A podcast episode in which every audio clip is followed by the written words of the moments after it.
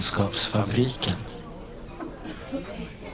Välkommen till Kafferast i Kunskapsfabriken, Mattias Weiklint. Tack så mycket. Och jag har idag, pandemin är över och jag har fått åka till Jönköping. Ja. Jag känner mig som en globetrotter igen. Vad härligt. ja. eh, vad, är, vad är det du har för, för jobb? Jag jobbar på ett ställe som heter Kommunal utveckling och det är kommunerna i Jönköpings län som har en gemensam forsknings och utvecklingsenhet. Och där är jag teamchef och har hand om områdena psykiatri, missbruk och funktionsnedsättningar. Skälet till att jag har kommit hit är att eh, jag har ju känt dig, eller vi har stött på varandra under ganska många år mm. kring olika brukarinflytande frågor och sånt där. Um, och det, många av sådana här saker som, som brukarföreningar i olika delar av landet är med och, och försöker få att hända som peer support och recovery college och massa sådana här saker. Peer support innebär att personer med egen erfarenhet av psykisk ohälsa arbetar som stödpersoner inom vård eller omsorg. Den bärande idén med peer support är att personer med psykisk ohälsa har lättare att hitta motivation och hopp om man får dela sina erfarenheter med andra som kommit längre i sin återhämtning. Recovery College handlar om att skapa gemensamma utbildningar för personer med psykisk ohälsa och för personal i vård och omsorg för att öka deras kunskap om återhämtning. De själverfarna får ökad egenmakt och kan utveckla bättre strategier för att må bra. Personalen blir skickligare på att stödja andra till återhämtning och kan skapa mer meningsfulla möten med patienter, brukare och anhöriga. Det har ni börjat göra trots att ni egentligen inte haft en så väldigt eh, stark brukarrörelse som har tryckt på i de frågorna, utan de har ni tryckt på själva. Och då blir man ju genast så här, ja, går det? kan man skapa brukarinflytande utan brukarrörelse? Lokalt, ja. ja. Eh, jag tror däremot att det skulle vara ett problem om det inte fanns en, en brukarrörelse runt om.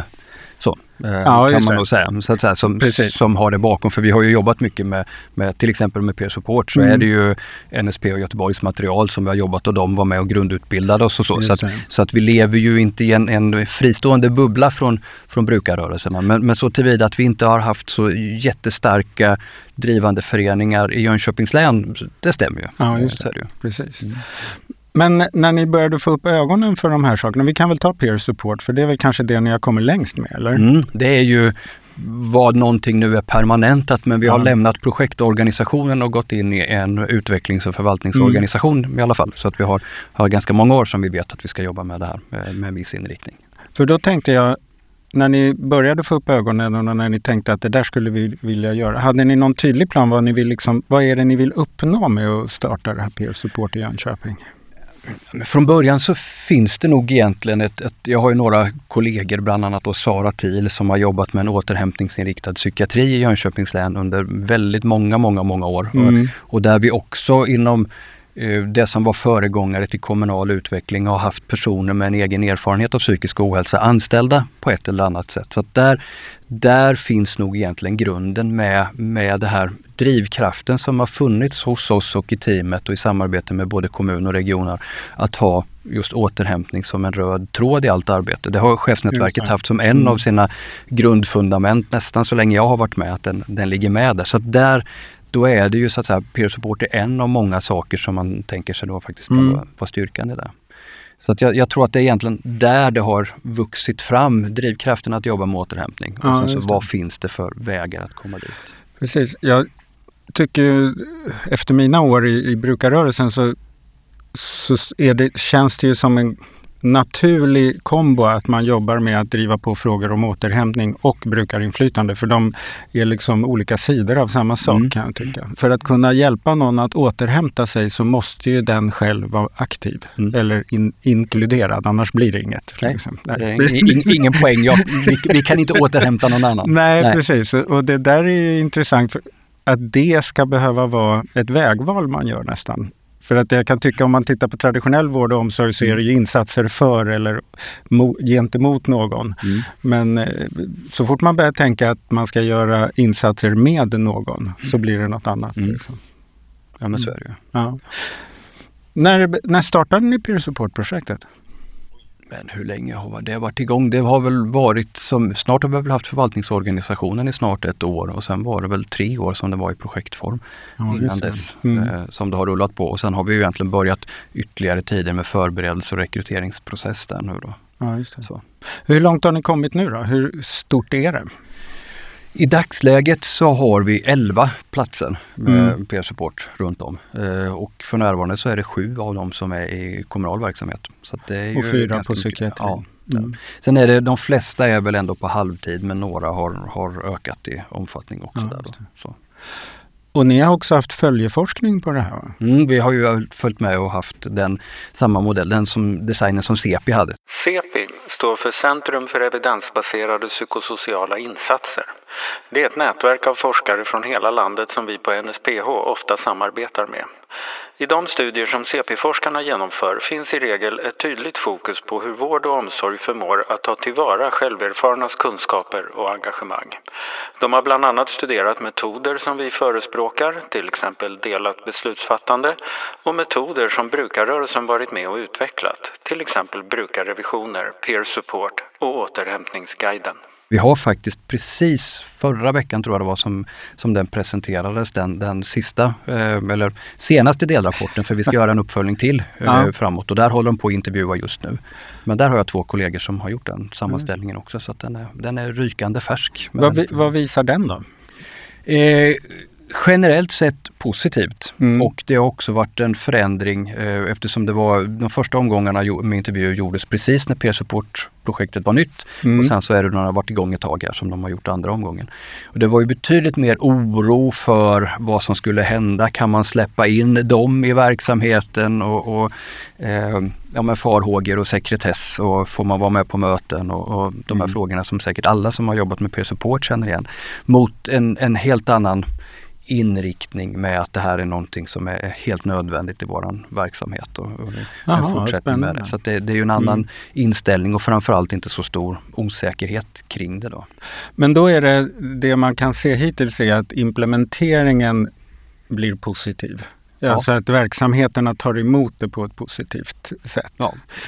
Ja. Och det faktum, det faktum att vi då fick okej okay för att, att fortsätta med det eh, när det inte är projektform längre. Och det var ju faktiskt så att vårat förslag från början som har jobbat med projektet, det var att vi skulle ha en förvaltningsorganisation. Men styrgruppen gav oss bakläxa på det. De ville ha en utvecklings och förvaltningsorganisation.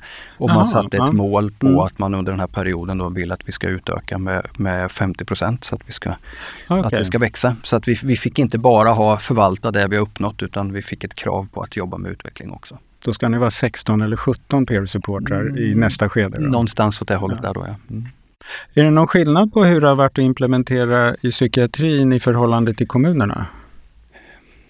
Det är ju en större utmaning i kommunerna i och med att det är mindre enheter. Ja. Eh, så, så att de, de har ju inte en region kan ju fatta vad ska man säga, mer bredare beslut att jobba med det och mm. du har mm. ju större personalgrupper och större ekonomier att jobba med på det Just sättet. Eh, kommunerna är ju små fristående enheter och det, det ska liksom jobbas in i, i det ja. på ett annat sätt. Fast i gengäld då kan jag tänka mig att en kommun eller en liten verksamhet kan vara mer dedikerad och liksom vilja att det här ska gå bra. Det är inte något annan, det är ingen annan som har bestämt det här åt oss. Nej, sen, sen var, har vi jobbat, det var noggrant med att ha med eh, alla nivåer från central samverkansgrupp på facklig nivå till eh, personalen som är närmst eh, ja, och ska jobba mm. med det så gott vi har kunnat. Okej, okay, så, så, att, det, så att ni sörjde för det. Det blev inte alienerat i psykiatrin ändå? Nej, nej, nej. Och, och framförallt så kanske det var så när besluten var tagna så har vi utbildat allt. Så det var ju flera hundra personal eh, som, som har gått mm. en, en, utbildning mm. kring peer support. Återhämtning och peer support, en två dagars utbildning som ja, man har haft med där då. Som, så att man har ganska så välgrundade som vi tycker mm. att man kan vara när man, när man tar emot det här. Men det är också något som kommer fram i utvärderingen att en del grupper tycker att de hade bra koll på det. En del känner väl att det var att man saknade informationen. De som fick okay. utbildning tidigast tyckte det var lite länge sedan så de hade glömt bort det Aha, lite grann tills ja, väl peer-supporten var mm. inne då. Så, så att, vad, vad säger peer-supportrarna? Ja men de har ju varit jätte Mm. Jättenöjda eh, med det också. Eh, för en del har det givetvis varit en del utmaningar. Mycket, många beskriver att det tar tid att hitta rollen. Mm. Vad är det jag ska göra? Vem är jag på, på arbetsplatsen. Hur, eh, hur funkar den här balansen? Och också hitta Ja, men vad, det är ju en lite, det är en lite märklig roll på ett mm. sätt. Jag är inte personal och jag är inte patient, brukare, deltagare. Men jag jobbar här. Ja, eh, och, och ska vara något mittemellan och hitta den här balansgången med eh, att kunna ha den här vad man säga, unika bryggningsfunktionen däremellan då. Eh, men också existera på sin arbetsplats som en kollega. Eh, så, så det, det, är ett ganska svårt, mm. svårt uppdrag skulle jag säga. För det är en sak att hitta rollen som mm. egenerfaren stödjare och förebild och, och ledsagare eller vad man ska mm. säga. Men det är ju frågan är vilka, vilken är min syssla? Ja. Tänker jag. Ja. Eh, för det, det, är ofta, många yrken definierar man ju utifrån handarbetet så att ja. säga. Mm. Ja. Och, och, det kan man ju höra ibland också att både personal och, och eh, peer-supportrar ibland eh, lätt beskriver vad de gör och jag, det, det mm. förstår jag för att det, det, det, är svårt att sätta ord på vad ska man säga, att vara återhämtningsagent eller vad man, vad man nu är där då. Det är ju liksom enklare att säga att man ordnar en pizzakväll. Ja, eh, och, och, och, pizzakvällen är ju ett verktyg kanske för att mm. egentligen kunna jobba med, med det unika, med att vara en förebild och ett stöd i en återhämtningsprocess. Och en, en mellanväg då. Men, mm. men jag, jag använder många ord eh, ja, och, och, svårt att precisera det också.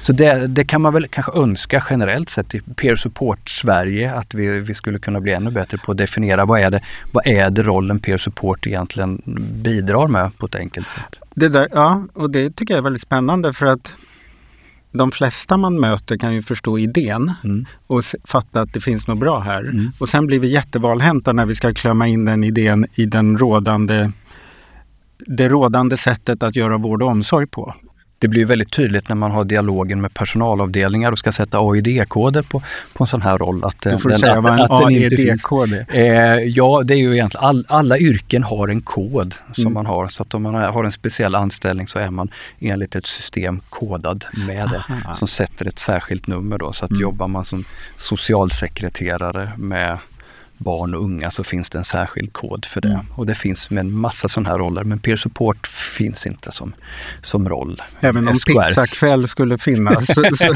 så, så, är det inte säkert att ja. det skulle vara tillräckligt Nej. deskriptivt för rollen.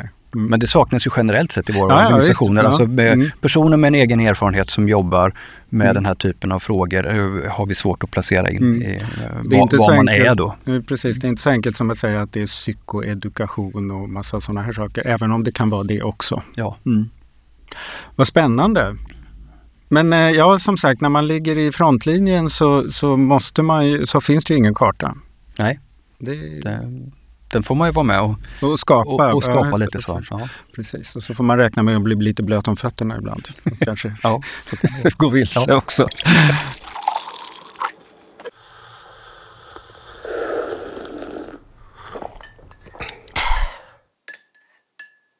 Nu har ni som sagt var utvärderat eh, hur implementerandet har funkat och vad alla mm. parter tycker om det.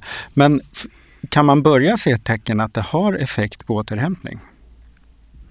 Eller vet ni ens hur man ska försöka konstatera det?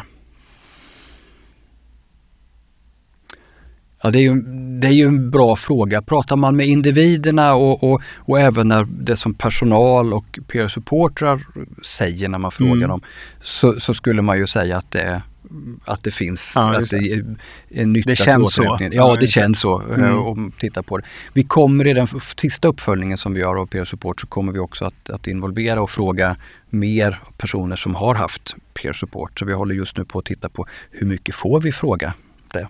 Eftersom Aha. vi är en organisation så är det ju det där med, med sekretess och så också ja, som man behöver det. ha lite koll på, som ställer till det ibland. Men, men där kanske vi kan få ytterligare lite svar på det. Mm. Men sen är det ju det är ju inte jättelätt att hitta en objektiv mätning för när är man återhämtad. Men alla, mm. alla beskriver ju att, att det gör nytta och att det går åt det hållet. Mm. Och tittar vi bakåt så någon av drivkrafterna också då så är det ju många utav de personerna som har jobbat med oss under åren, som har en egen erfarenhet av psykisk ohälsa, beskriver ju kanske just det här att de träffade någon föregångare ja, med egen mm. erfarenhet. Mm, det var det som tände den här, mm. vad ska man säga, hoppet öppet mm. och gav de första nycklarna för den egna återhämtningen. Precis, så så att anekdotiskt så, så finns det ju mm. väldigt mycket som pekar på det. Men, men jag tänker en, en indirekt sånt här resultat. Jag vet en, en person som jag jobbar med som själv dök upp eh, ur ett anhörigperspektiv mm. inom psykiatrin för inte så länge sedan konstaterade att inne på, på den personen som har besökt det på rummet där så fanns återhämtningsguiden ja, liggande ja, där okay, inne. Så den, den, och det har ju psykiatrin här i Jönköpings län har ju jobbat med, mm. med att implementera den. Men, men det faktum då när, när det är någon som kommer in som inte, där personalen har ingen aning om att det finns kopplingar till, till våra projekt så kan de ändå konstatera att där finns det här. Eh, ja, just det. Att det har sipprat ner. Ja, så att jag mm. tänker att det är ändå, nu vet jag inte om man bara kan säga att det beror på peer support, men, men det totala arbetet mm. med, med, alltså med fokus på återhämtning och uh, användandet utav en egen erfarenhet som verktyg tycker jag att det är ganska bra indikation på ja, att det faktiskt det. har kommit in där. Det får man ju säga. Ja. Jo, det är väl ett resultat av summan av alla era mm. strävanden. Kafferast i Kunskapsfabriken. Men jag tänkte återkomma lite till det här som jag var inne på i början, det här att ni inte har haft en så väldigt högröstad eh, brukarrörelse mm. i Jönköping. Även om, och det måste jag säga, det finns brukarföreningar som gör mm. massa bra saker i Jönköping. Men det, fin, det, finns inte ett sammansvetsat nätverk av brukarorganisationer som driver massa frågor gemensamt. Och då blir det ju förstås intressant för mig att veta, vad, vad är det, när ni har gjort det själva, vad är det ni känner att ni, eller lärt er på vägen, att ni måste vara bra på för att det här ska få effekt? Effekt för att det ska bli bra peer support och, och sådana här saker. Mm. Nej, och, och, grunden är ju lite som du säger kanske att vi var, har varit lite tvungna att, mm. att, bära det just som du säger därför att det kanske har varit svårt för enskilda föreningar att orka dra det här lasset mm. och det har varit en del försök och några har hängt i men, men man, man orkar inte riktigt dra det här själva utan vi har ju hållit i det med olika, olika råd och sånt här mm. under, under ett antal år.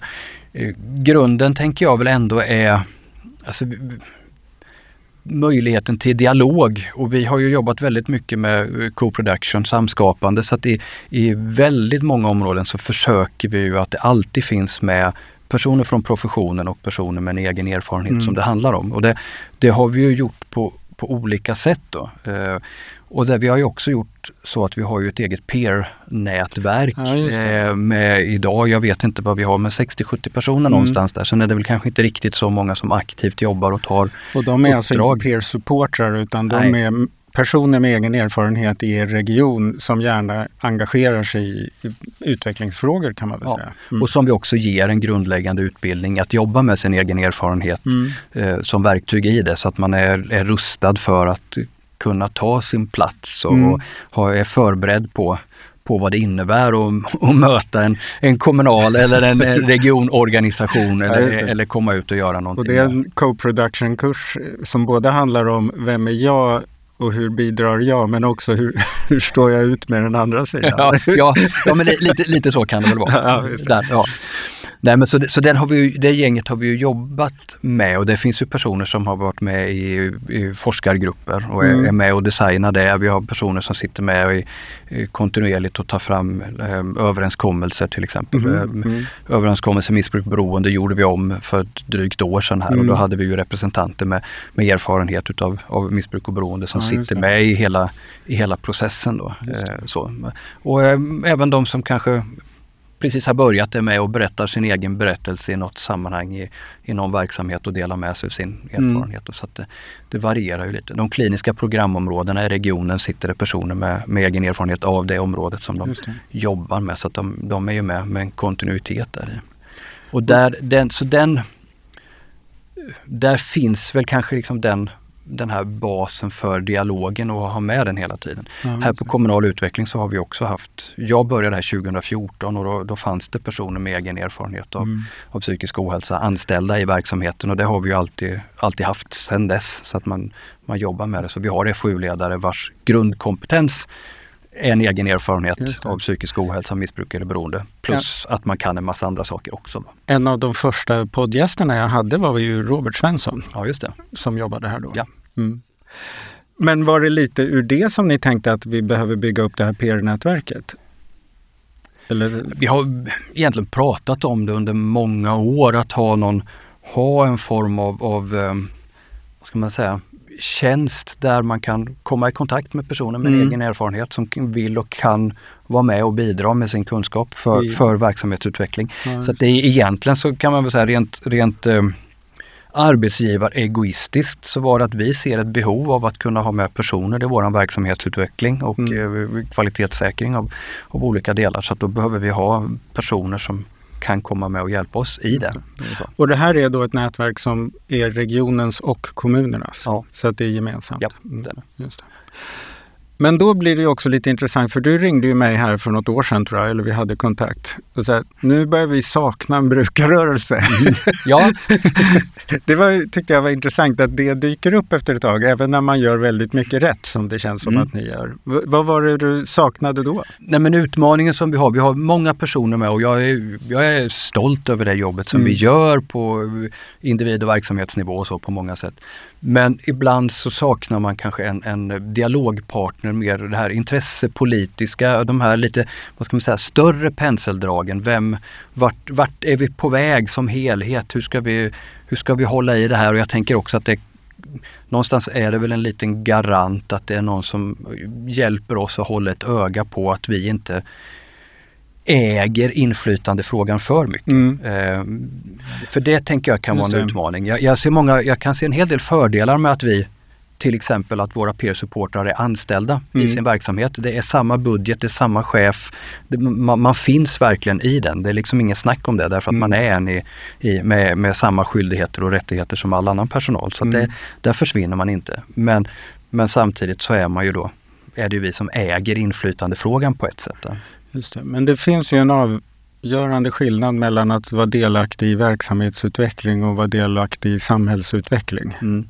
Um, och där börjar, man ju, där börjar det ju finnas traditioner och riktlinjer också för hur demokratin ska funka och då är det ju organiserade eh, representanter ofta mm. som man bör jobba med eller behöver jobba med mm. för att känna att det finns en kontinuitet och att man har täckning för det man vill tycka och sådär. Ja, precis. Nej, och jag, ibland så kan jag känna en oro att det jobbet som vi, som vi gör så att vi inte blockerar så att säga en eh, föreningsverksamhet eh, och en organisation med att vi är en så stark aktör på inflytandeområdet också då, så att man ändå mm. har den, ha, kan ha den levande dialogen på, på olika sätt. Då. Just det. Har ni hunnit diskutera det här med brukarföreningarna någonting? Vi har ju haft upp det lite grann och mm. så. Sen, sen, har ju, alltså en utmaning var ju egentligen då med, i och med pandemin så hade vi en del tankar, vi skissade lite grann på att man skulle sätta, sjösätta någon, någon workshop, börja med att egentligen, vad ska man säga, ja, men samskapa den mm. idén då, för det, det kanske är så att vi kan vara möjliggörare i, i att ta fram den arenan då. Eh, sen har det väl legat lite grann på is under, under en period, men nu var det faktiskt för någon vecka sedan här så, så, så gick det några mejl nu igen att det kanske börjar bli dags att titta på det, för nu så ser det väl ut som vi, som, som vi skulle kunna träffas. Ja, för vi, vi tror väl ändå att det digitala möten i all ära då, men, men, mm. men ett sånt här forum känns som att det vore betydligt bättre att kunna träffas fysiskt och, och, och börja göra det. I en... Ska man grubbla ihop så kan det, är inte alltid Zoom det bästa. Nej. Nej. Uh, och det, det, är också kanske ibland en, även om det i vissa lägen har varit en möjliggörande faktor för mm. folk att delta, det har vi ju sett i vårt peer-nätverk till mm. exempel, mm. då, att man slipper resa. Men det är också en begränsning för många att kunna delta mm. fullt ut också. Då. Så det är nog bättre att kunna göra det. Ja. Riktigt. Men vi hade ju, eh, vi pratade om, i höstas hade vi något möte där vi bollade lite idéer mm. kring det här, eran tanke om att skapa liksom en, ett utrymme där det är brukarrörelsen eller en, något organiserat som är den självklara motparten. Mm. Och då som jag minns det så, Eller fristående medspelare, inte en motpart. Ja, just det. Så, ja, men det är väl bra. ja. eh, för att det handlar fortfarande om mycket samarbete men också ett samarbete där man kan tycka olika. Ja. Och vilja olika. Ja. Just det. Precis. Eh, det är mer korrekt. Eh, men då, då var vi inne lite på det här, alltså behovet av också hur är det att vara person med psykisk ohälsa i Jönköpings län. Inte vara patient i psykiatrin eller brukare i kommunen utan mer titta på de här lite större skeendena och hur är livsvillkoren för, mm. för de här målgrupperna. Det som du säger är ju ett intressant perspektiv för det kanske är nackdelen att man är inne i avsmalnade områden mm. lite mer och det är ju kanske ur ett, ett en individs perspektiv eller ju, även på ett gruppperspektiv så, så är ju inte livet avgränsat utan det innefattar ju så mycket mer och det, mm. det, det kan ju vara något som man tappar när man mer liksom jobbar mer fokuserat i utvecklingsområden och, mm. och får till en större bredd i den här dialogen. Men ni har ju fler järn i elden. Alltså du har pratat, nu har vi pratat peer support och peer-nätverket. Mm. Ni håller också på att bygga upp eh, något kring Recovery College. Ja. Du kan få beskriva vad det är, för det är inte så jättekänt. Det finns ju försök lite här och där i ja, landet. och framförallt så har vi väl hämtat inspiration från England, även om det finns på andra håll. Mm. Och, och, jag vet att vi har tittat en del mot Danmark som väl kanske är det som ligger närmst oss som har haft en del eh, saker i det också. Men egentligen så handlar det väl återigen där så tänker jag att det är, det är egentligen fokus på återhämtning och lärande och gemensamt skapande. Mm. Men där det egentligen bygger på att utifrån ett relevant ämne för de personerna det berör så, så tar man fram en utbildning och det är en person med en egen erfarenhet tillsammans med professionen och de två olika perspektiven som man, man jobbar med en utbildning mm. Eh, med fokus mot återhämtning. Ja just det, men det handlar med fokus mot att få verktyg att förstå och hantera sig själv. Ja, och kunskap för personalen att stötta. stötta ja, just det. För meningen är ju att du, du tar fram och genomför kurserna med, med både personal och personer med egen erfarenhet. Målgruppen är också mm. mm. personal och personer med en egen erfarenhet. Så att det, det. hela processen är egentligen samskapad med, med profession och egen erfarenhet. I det. Och på det viset kan man väl säga att återhämtningsguiden som vi nämnde tidigare är ju ett uttryck för den principen. Att vi tar fram ett material som stödjer bruk, eller återhämtning. Mm. Men det är bra att jobba tillsammans med den. Mm. För att det ger också personalen möjlighet att lära känna brukaren eller patienten mm. på ett klokt sätt. Mm. Hur långt har ni kommit med det här? Eh, nu har vi ju varit igång ett tag så att nu har vi ju, har vi ju kört så nu egentligen så är vi ju inne på att det, det finns, så vi har tre del Recovery College mm. i, i länet. Så vi har en gemensam organisation men sen så är vi ju 13 kommuner eh, och tre ska man säga, huvudsjukhus då, mm. i olika länsdelar. Så det finns en, i varje länsdel så finns det en arbetsgrupp som mm. jobbar med att ta fram och leverera kurser.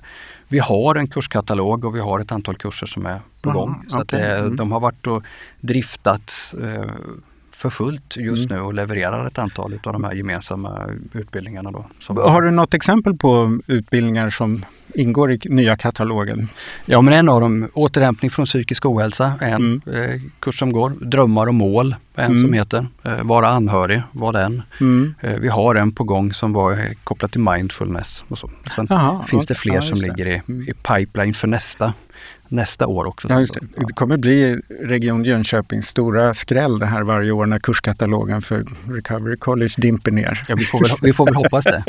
Men eh, hur görs de då? Görs de liksom i sjuk eller vårdsmiljö eller var, ut, var går man på de här kurserna? Var man går på dem? Ja, det har varit lite olika. Alltså de, de vad ska man säga, det finns ju arbetsgrupper i alla delar mm. som jobbar med att ta fram dem om man har olika funktioner så att man mm. ändå har koll på dem så att vi vet, vet vad det är för innehåll i dem.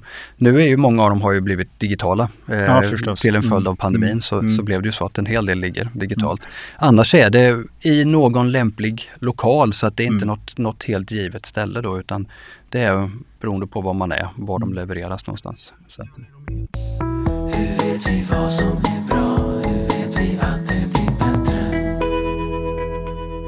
När vi var och hälsade på i, i London då för ett antal år sedan här så, så fick vi ju det var nytt för mig då, men mm. det som de presenterade var grundanledningen till att de började bygga upp mycket med Recovery College där. Det var kostnadseffektivitet. Mm. Det var för dyrt att eh, mm. driva för mycket individbaserad eh, psykiatrisk vård. Så att det var liksom ett sätt att att både jobba och gynna återhämtningen men inte minst en drivkraft mot beslutsfattare att det var kostnadseffektivt. Okay. Alltså du har, mm. du har ju mer, du får mer, eh, ja, leverer, bättre leverans för, för mm. samma insats då för, för skattebetalare. Egentligen mm. Och det blir också, tänker jag personalperspektiv så är det ett ganska eh, bra läro, eh, läroplats. Alltså jag mm. får ju lära mig att jobba i min praktiska vardag på ett annat sätt också. Ja, där. Så det är en kompetensutveckling också där istället för att sitta och, och öva på någon annan medpersonal så att säga.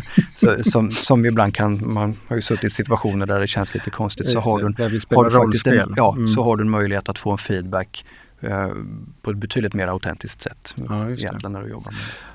Och jag tänker också att det finns någonting i det här att skapa många platser där personal och brukare är lika mycket experter. Ja. Och kanske lika mycket eh, kunskapssökare. För att jag gissar att det som professionell alltid är lite knepigt när man inte har några svar. Alltså det blir, för det är ju det man tycker att man är satt där för att ha. Så att säga.